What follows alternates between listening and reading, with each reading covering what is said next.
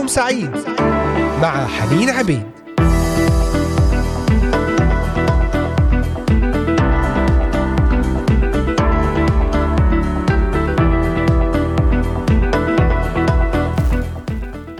أهلا وسهلا بكم أحبائي المستمعين. أجمل وأطيب الأوقات هنا من إذاعة صوت الأمل لهذا اليوم. معكم على الهواء مباشرة حنين عبيد وهذه حلقة جديدة ضمن برنامج نهاركم سعيد. والسلسلة التي بدأناها يوم أمس بعنوان أقوال وتعاليم الرب يسوع. وتناولنا بالأمس موضوع تعاليم الرب يسوع عن الغضب واليوم سنكمل في هذه السلسلة وموضوعنا هو عن حياة الطهارة. فتابعونا واستمعوا إلينا من خلال قناة اليوتيوب إذاعة صوت الأمل بث مباشر وعلى تطبيقات الهواتف النقالة Voice of Hope Middle East وعلى موقعنا الرسمي voiceofhope.com أيضا بإمكانكم متابعتنا على صفحة الفيسبوك والكتابة إلينا على صفحتنا إذاعة صوت الأمل. وعلى منصتي التليجرام والإنستغرام Voice of Hope. واستمعوا إلى هذه الحلقة من خلال منصة سبوتيفاي وأيضا إلى جميع حلقات نهاركم سعيد وبرامجنا الأخرى. قال الرب يسوع في إنجيل متى الأصحاح الخامس قد سمعتم أنه قيل للقدماء لا تزني وأما أنا فأقول لكم إن كل من ينظر إلى امرأة ليشتهيها فقد زنى بها في قلبه فإن كانت عينك اليمنى تعثرك فاقلعها وألقها عنك لأنه خير لك أن يهلك أحد أعضائك ولا يلقى جسدك كله في جهنم. وإن كانت يدك اليمنى تعثرك فاقطعها والقها عنك لأنه خير لك أن يهلك أحد أعضائك ولا يلقى جسدك كله في جهنم. وقال بولس لأهل روميا في رسالته الأصحاح السادس اذا لا تملكن الخطية في جسدكم المائت لكي تطيعوها في شهواته ولا تقدموا أعضاءكم ألات إثم للخطية بل قدموا ذواتكم لله كأحياء من الأموات وأعضاءكم آلات بر لله. وقال أيضا في رسالة غلاطيا الأصحاح الخامس ولكن الذين هم للمسيح قد صلبوا الجسد مع الأهواء والشهوات. وآيات أخرى في رسالة تيموثاوس الثانية يحذر بولس تلميذه تيموثاوس قائلا أما الشهوات الشبابية فاهرب منها. ويطلب بطرس في الرسالة الأولى أطلب إليكم كغرباء ونزلاء أن تمتنعوا عن الشهوات الجسدية التي تحارب النفس. ويعقوب يقول في الأصحاح الأول الشهوة إذا حبلت تلد خطيئة والخطيئة إذا كملت تنتج موتا. المسيح تناول في مواعظه كثيرا من المبادئ السلوكية السامية التي تهدف إلى خلق مجتمع روحي لا تسيره القوانين الناموسية فحسب ولا تحكمه روح التدين والالتزام بالنصوص فقط بل أراد مجتمعا روحيا تحكمه مبادئ أصيلة نابعة من عمق القلب. في حديثنا في هذا اليوم نتناول حديث الرب يسوع المسيح عن الطهر ونقاء القلب والعين وهو بهذا يدعونا إلى ضبط الشهوات والرغبات التي تستخدم الغرائز البشرية لتسيطر بها على حياتنا فتفسد ضمائرنا وتهدمنا من الداخل. في هذه العظة أيضا لا يكتفي الرب يسوع بتكرار التعليم الخاصة بالسقوط في الشهوات الجنسية وفي خطيئة الزنا كما حرمتها الشريعة بل يتجاوز ذلك إلى مفهوم روحي أعمق. لا يحرم فقط خطية الزنا المكتملة كفعل بل يحرم مجرد الشروع فيها أو التمهيد لها أو ارتكابها بالفكر والتخيل. ما هو الزنا؟ الزنا هو الاتصال الجنسي بين اثنين لا يرتبطان معا ارتباطا شرعيا سواء كان أحدهما أو كلاهما مرتبط مع طرف ثالث برباط زواج شرعي أو لم يكن. لذلك يطلق على هذه العلاقة إنها علاقة غير شرعية. أحل الله الزواج وجعل له قواعده المشروعة لكنه حرم العلاقات غير الشرعية وظهر ذلك واضحا في الشريعة التي أعطاها الله للنبي موسى ونصت عليها الشريعة بصورة قاطعة في القول لا تزني. لا تزني. الشهوة هي الرغبة الشديدة في شيء ما ولها ثلاث دلالات. رغبة طبيعية رغبة مقدسة رغبة شريرة. الرغبة الطبيعية هي الرغبة التي تعبر عن حاجات الجسد مثل الحاجة للطعام وهي رغبات طبيعية مشروعة إلا إذا أسيء استخدامها. والرغبات المقدسة هي رغبات يقول عنها الكتاب الأبرار يشتهون الخير وقد اشتهى المسيح أن يأكل الفصحى مع تلاميذه. وأيضا بولس اشتهى أن ينطلق إلى المجد ويكون مع المسيح. وهناك رغبات شريرة هي التي يقول عنها الكتاب نفس الشرير تشتهي الشر وهي الصفة الغالبة حين نتحدث عن الشهوات. ولعل الشهوات وأشهرها الشهوات الشريرة هي شهوة الجسد شهوة العيون تعظم المعيشة شهوة النجاسة شهوة الغرور والشهوات الشبابية والشهوات الدنيوية والشهوة النظر الغير صحيح وغير نقي إلى المرأة. المرأة التي هي تسمية محترمة تشير إلى أنثى البشر. وأطلق آدم على حواء اسم امرأة لأنها من امرئ أخذت كما خاطب بها المسيح أمه السيدة المطوبة العذراء مريم. وللمرأة مقام عظيم في عين الله فهي الإناء الذي أعده بصفة خاصة ليخلق عن طريقه الجنس البشري كله. كما أنه في ملء الزمان جاء المسيح مولودا من امرأة. فالمرأة محل توقير في كلمة الله فهي الأم والأخت والزوجة والابنة. وعندما يقول المسيح من نظر إلى امرأة ليشتهيها فإنه لا يلوم المرأة ولا يعتبرها باعثا للشر بل يدين النظره الشهوانية لها. ماذا أيضا عن الزنا في الكتاب المقدس؟ سنتابع بعد هذه الترنيمة مع فيليب ويسا. خذ مكانك. كسر كل آلهة غريبة قدامك. مع هذه الترنيمة ونعود إليكم.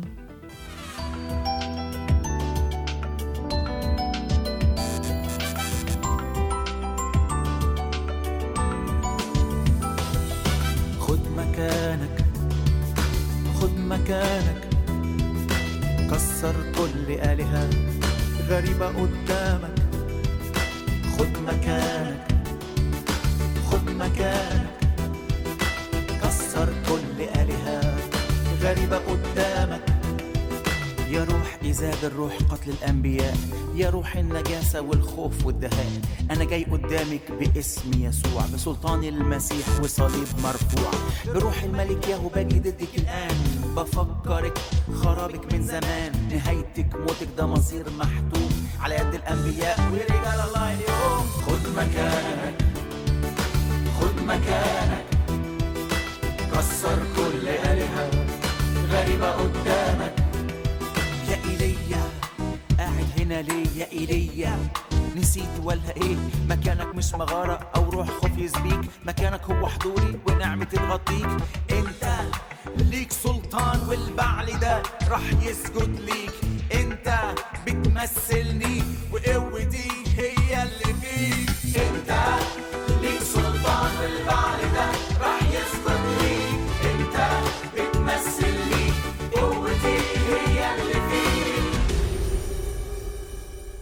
خد مكانك خد مكانك. كسر كل آلهة غريبة قدامك. تنبأ أنا إله إسرائيل. تنبأ أنا يهوى القدير. تنبأ وأنا هاجي بنار. تنبأ إلهك جبار. تنبأ. البعل ينحني تنبأ. الأرض تسجد لي تنبأ. وارفع التسبيح تنبأ. على اسم المسيح. كل روح ضد المسيح. ينهار.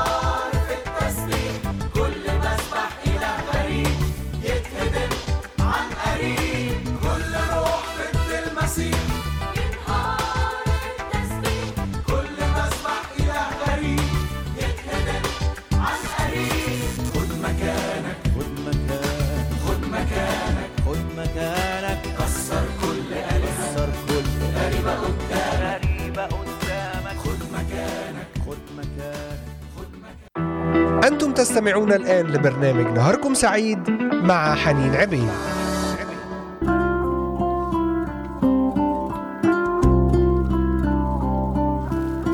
عدنا إليكم أحبائي المستمعين ونحن في حلقة في بث مباشر عبر إذاعة صوت الأمل ضمن برنامج نهاركم سعيد وسلسلة أقوال وتعاليم الرب يسوع.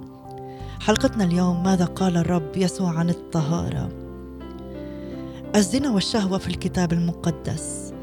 لم تكن أغلب الحضارات الوثنية القديمة تؤثم الزنا وخاصة بالنسبة للرجل. فالزنا هو سوء سلوك من المرأة المتزوجة. أما اللوم فلا يقع على الرجل إلا إذا مارس الخطيئة مع رجل آخر أو زوجة رجل آخر أو مخطوبته وهو الأمر الذي رفضته أيضا الشريعة بقوة. وفي بعض الحضارات القديمة كمصر وحضارة بين النهرين. أعتبر الزنا خطيئة كبيرة ذات بعد ديني يعاقبها الآلهة بالموت المبكر مثل قانون حمورابي. بالرغم من ضعف مفهوم العفة والنقاء الشخصي في بيئات اجتماعية كثيرة في الأزمنة القديمة فإن شريعة العهد القديم سنت أحكاما شديدة تدين العلاقات خارج إطار الزواج. وتصل عقوبتها إلى حد الرجم أو الحرق كما أدانت الشريعة الاغتصاب والزنا. وحذرت أسفار الحكمة في الكتاب المقدس من العلاقة بالمرأة الغريبة أو الأجنبية والمقصود بها المرأة التي تمارس الزنا.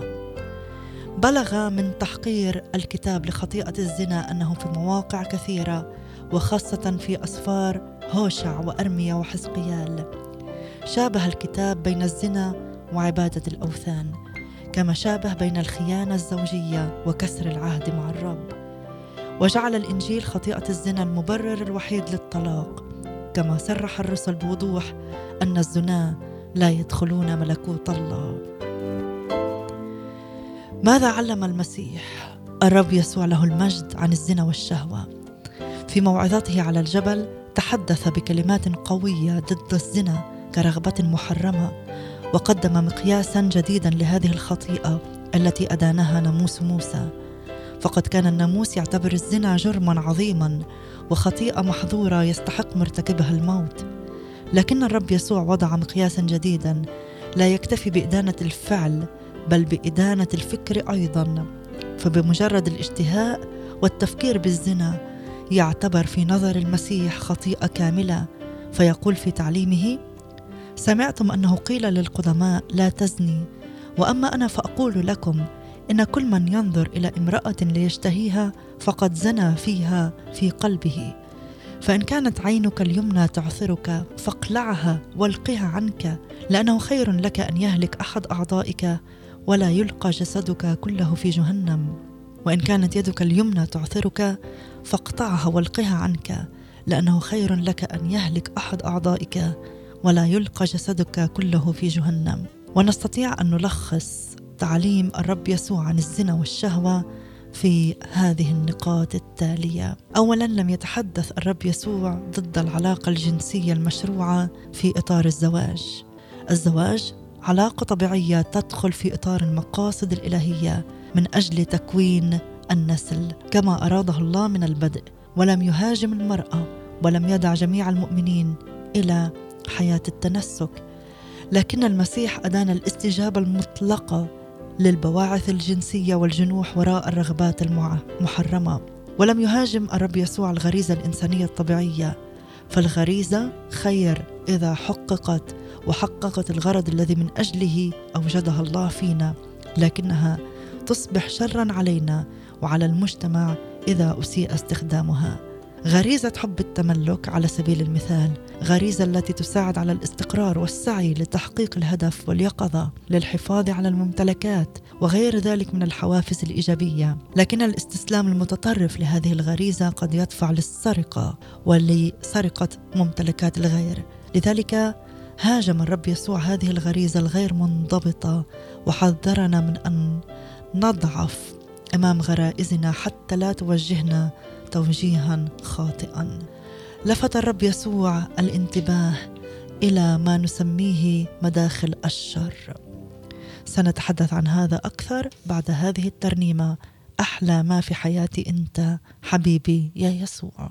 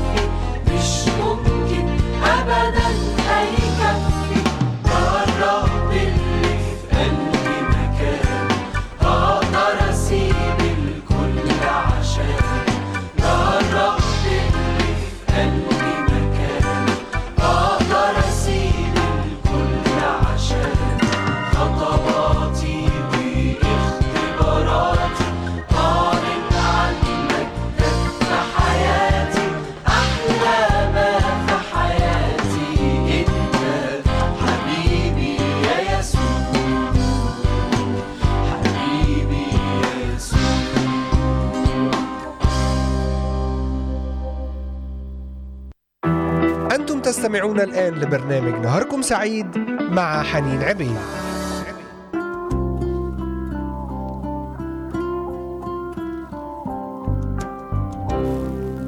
لفت الرب يسوع المسيح الانتباه إلى ما يمكن أن نسميه مداخل الشر فهو يرى أن النظرة الشهوانية تشعل الرغبة وتوقظ الشهوات الكامنة وتقود إلى الفعل الكامل.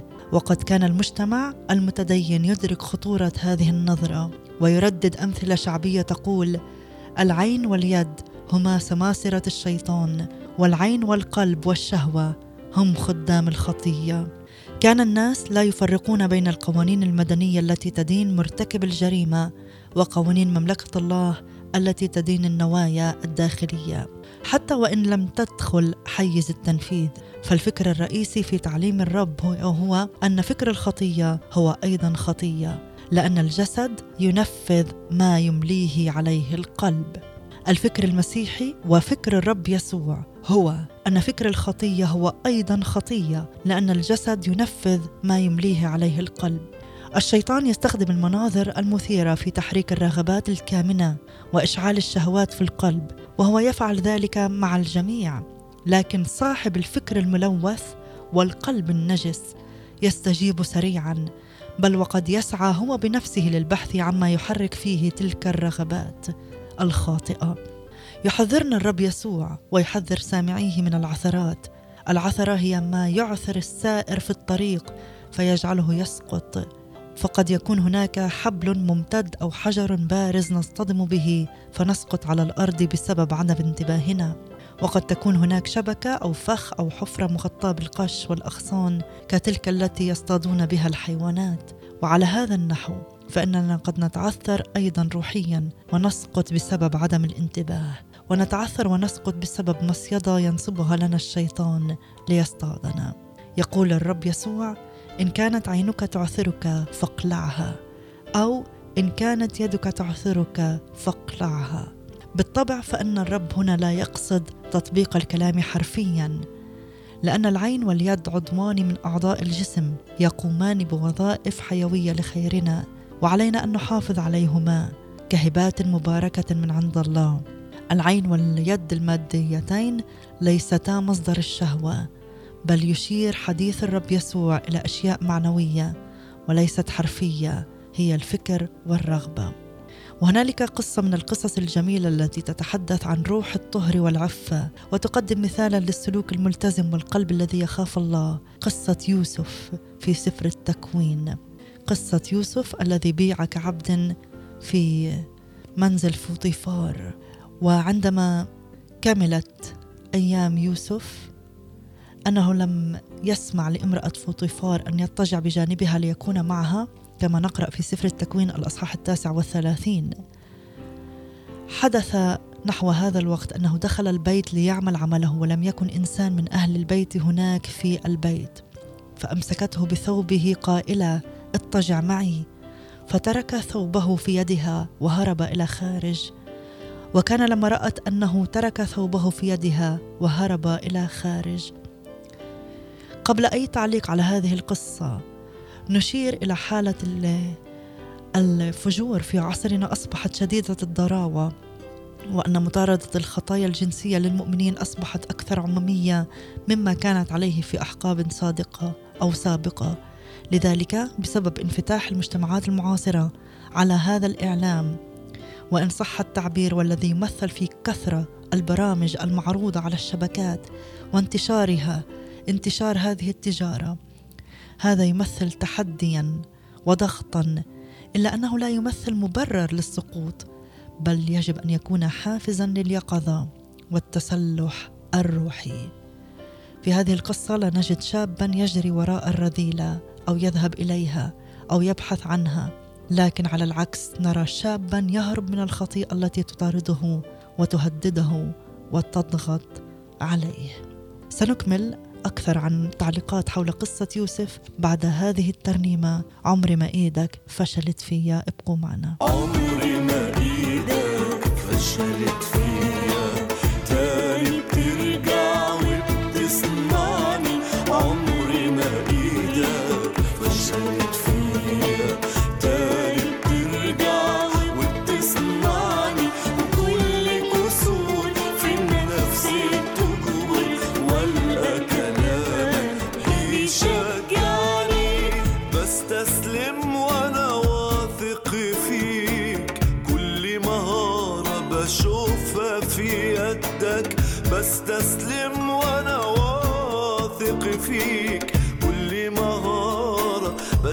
في يدك زي خزف في ايدين فخاري ومين زيك يا إلهي في صنع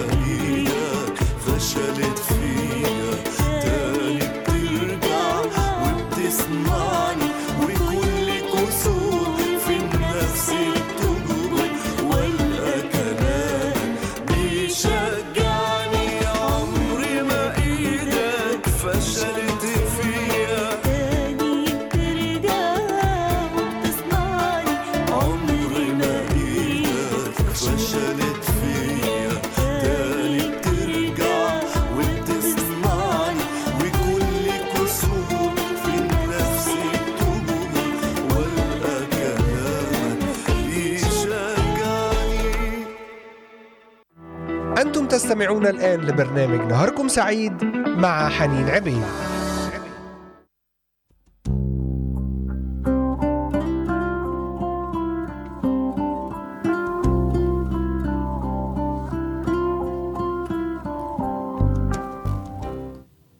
نكمل في نقاط في قصة يوسف ضمن سلسلتنا عن أقوال وتعليم الرب يسوع المسيح واليوم. ماذا قال الرب يسوع المسيح؟ عن حياة الطهارة. تعليقات حول قصة يوسف نكمل فيها. يدهشنا التزام يوسف بعهوده الدينية التي تلقاها في طفولته في بيت أبيه. إن كثير من الشباب يلتزم بأخلاقياته طالما كان في أرضه وتحت أبصار أهله لكنه لا يدقق ولا يلتزم حين يكون في مكان بعيد لا يعرفه فيه أحد. أما يوسف فكان أمينا في غربته كما كان في أرضه. كان العنصر الرئيسي في انتصار يوسف هو إيمانه بحضور الله وإحساسه بوجوده معه. فأغلب الذين يمارسون الخطايا الجنسية يقبلون على خطيئتهم في محيط من السرية. إذا ما توافرت الخلوة ويحسبون أنها اتفاق بين طرفين فقط وهذا ما توافر في قصة يوسف. حيث يقول الكتاب ولم يكن إنسان من أهل البيت هناك في البيت. أما يوسف فكان يرى أن هناك طرفا آخر لا تراه العيون. لم يحاول يوسف أن يستهين بالخطيئة ولم يحاول أن يقلل من خطرها ولم يبحث لها عن مبررات وأعذار باعتباره شابا وباعتباره مضطرا ومكرها عليها بل رأى أنها شر عظيم وهو بذلك لم يخدع نفسه أو يجد لها الأعذار الواهية. ساعد يوسف على الانتصار على الشهوة أنه لم يحسب الخطية مجرد خطأ في حق سيده أو خطأ في حق نفسه بل في حق الله. وأعلن ذلك بمقولته الشهيرة كيف أفعل هذا الشر العظيم؟ وأخطئ إلى الله. ربما حاول يوسف في مرات كثيرة أن يتجنب زوجة سيده لكن هذا التجنب للخطيئة لا يكون أحيانا كافيا. يحتاج الأمر أحيانا أن نهرب منها. تحمل يوسف تبعات الأمانة ودفع ثمن إصراره على الطهر. ولا بد أن يدفع المؤمن ثمنا في مقاومته للتيار. لكن مكافأة الله ستكون أعظم. لابد أن يدفع المؤمن ثمنا في مقاومته للتيار. لكن مكافأة الله ستكون أعظم. ملخص تطبيقات ودروس روحية. الخطايا الجنسية وليدة الشهوة. فلا تسترسل في أفكار الشر. لا يستطيع الإنسان أن يكون طاهر الجسد دون أن يكون طاهر الفكر. لا تغتر بشهادة الناس عنك فالناس لا يعرفون ما في داخلك. افحص نفسك فقد تكون هناك نجاسة نجحت في إخفائها. تذكر أن الله حاضر ويرى الخفاء.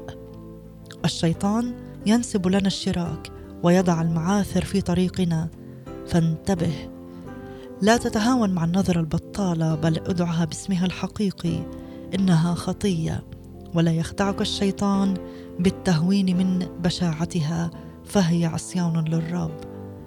لا تصارع لكي توقف الأفكار الشريرة فذلك لن يمنعها بل قد يزيدها.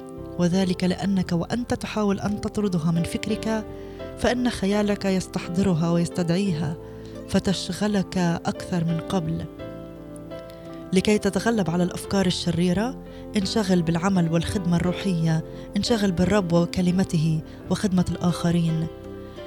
تبنى قضية روحية أو إنسانية وادرسها. وحين يمتلئ فكرك بالخدمة والإيجابيات فإن الأفكار السلبية لا تجد لها مكانا في عقلك. تذكر أن عقل الكسلان معمل للشيطان. عقل الكسلان معمل للشيطان. أقوال عن العفة والشهوة سنتأمل فيها بعد هذه الترنيمة مع فريق الحياة الأفضل باللي غالب لينا غلبة. نعم لينا غلبة على كل شهوة وخطية باسم الرب يسوع المسيح.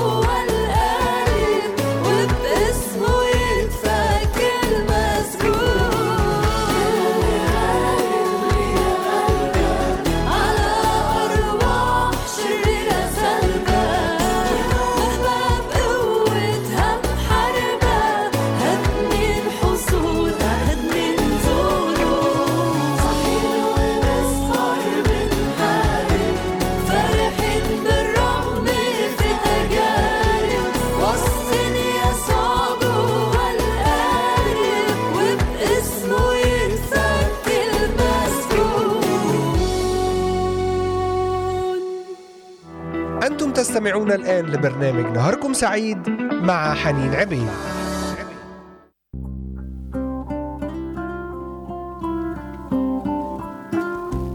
باللي غالب لنا غلبة على أرواح شريرة سلبة. نعم نعلن غلبتنا في هذا اليوم على كل أرواح وخاصة في حديثنا في هذه الحلقة ضمن سلسلة أقوال وتعليم المسيح عن الطهر حياة الطهر.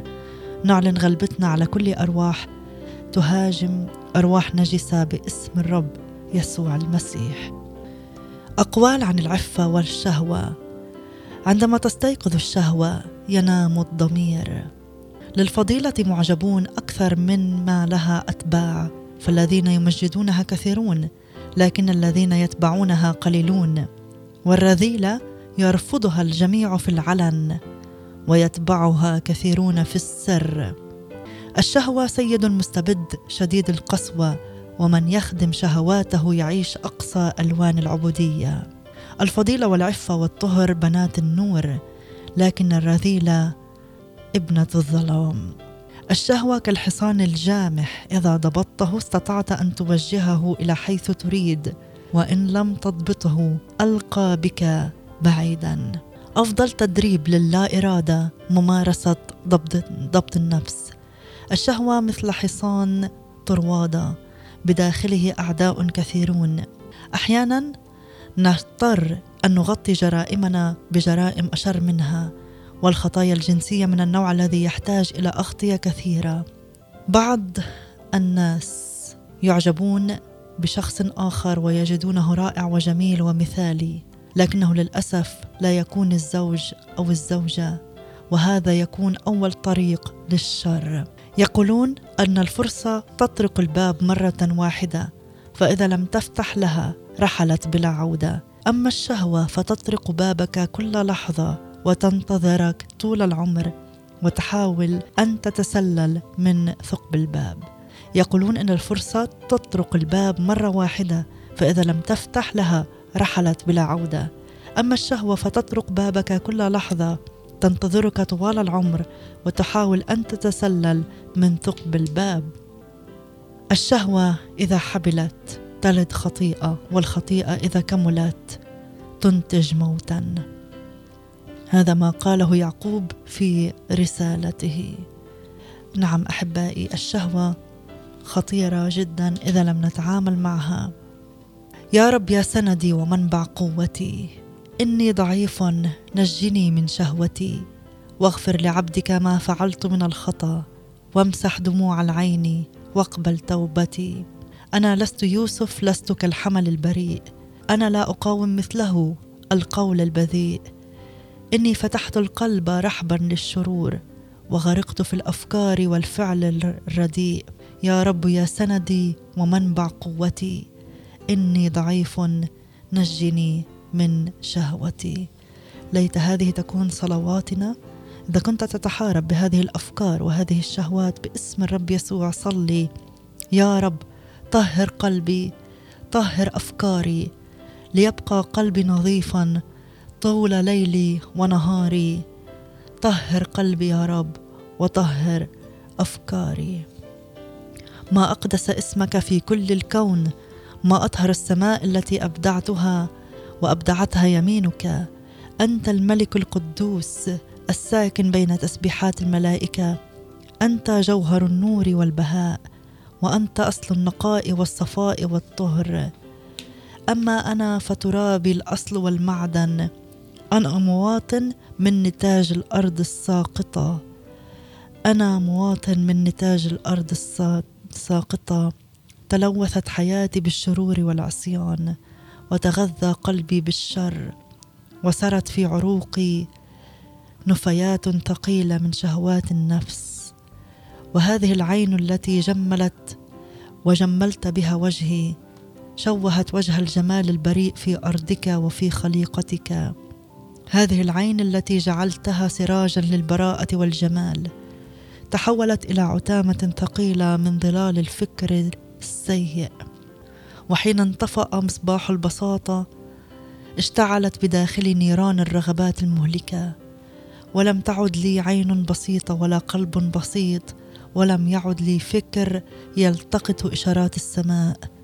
وهل القلب الذي أودعت فيه بذور الحب صار عبدا للشهوات؟ وسلم دقاته المتهالكة لسلطان الشر. فكيف أرفع عيني إلى سماء قدسك؟ وبيني وبينك ضباب كثيف من دنايا الأرض وكيف تخاطبك شفتاي؟ وقد شوهتهما فصول مطولة من قواميس الخطيئة. ضائع أنا في متاهات الغربه والعتامة ولا يوجد لي منفذ سواك. فمن غيرك يمنحني بساطة الصبح وبراءة الفجر ومن سواك يقدر أن يعيد لعيني نظرات الطهر والصفاء. أعلم أنه لا دواء لقلبي إلا في صيدلية السماء وأعلم أنه لا سبيل للنقاء إلا بالاغتسال في منابع الطهر. فاغسلني في أنهار قداستك أدخلني في مجالات الطهر التي ترضيك. اغسلني بالنور والحب والقداسة يا رب. آمين. آمين. لك كل المجد يا رب. نشكرك على ما علمتنا إياه اليوم عن حياة الطهارة. قدس عيوننا يا رب. حول عيوننا عن الشر. دعنا نقول مثل يوسف كيف أصنع هذا الشر العظيم وأخطئ لله؟ يا رب نحن في عالم شرير مليء في الخطيئة كلما التفتنا وكلما سمعنا. أعنا يا رب قدس عيوننا قدس أذاننا قدس أفواهنا وقلوبنا. اجعل قلوبنا نقية هيكلا لك. طهرنا يا رب في مياهك المقدسة في كلمتك. أعطنا نعمة لكل إخوتي وأخواتي الذين يمرون بصراعات من هذا النوع. شددهم واعطيهم نعمة يا رب ثبتهم. يعظم انتصارنا فيك يا رب على كل شرور وكل عصيان باسم الرب يسوع. آمين آمين. تعالوا نختتم هذه الحلقة بترنيمة مع لبيب مشرقي فوق الرياسات فوق السلاطين. ولنا لقاء جديد بنعمة الرب يوم الاثنين المقبل. في الواحدة بتوقيت الأراضي المقدسة من إذاعة صوت الأمل. برنامج نهاركم سعيد لنكمل في سلسلة أقوال وتعليم الرب يسوع. محبتي وتحياتي لكم. كانت معكم حنين عبيد. نهاركم سعيد.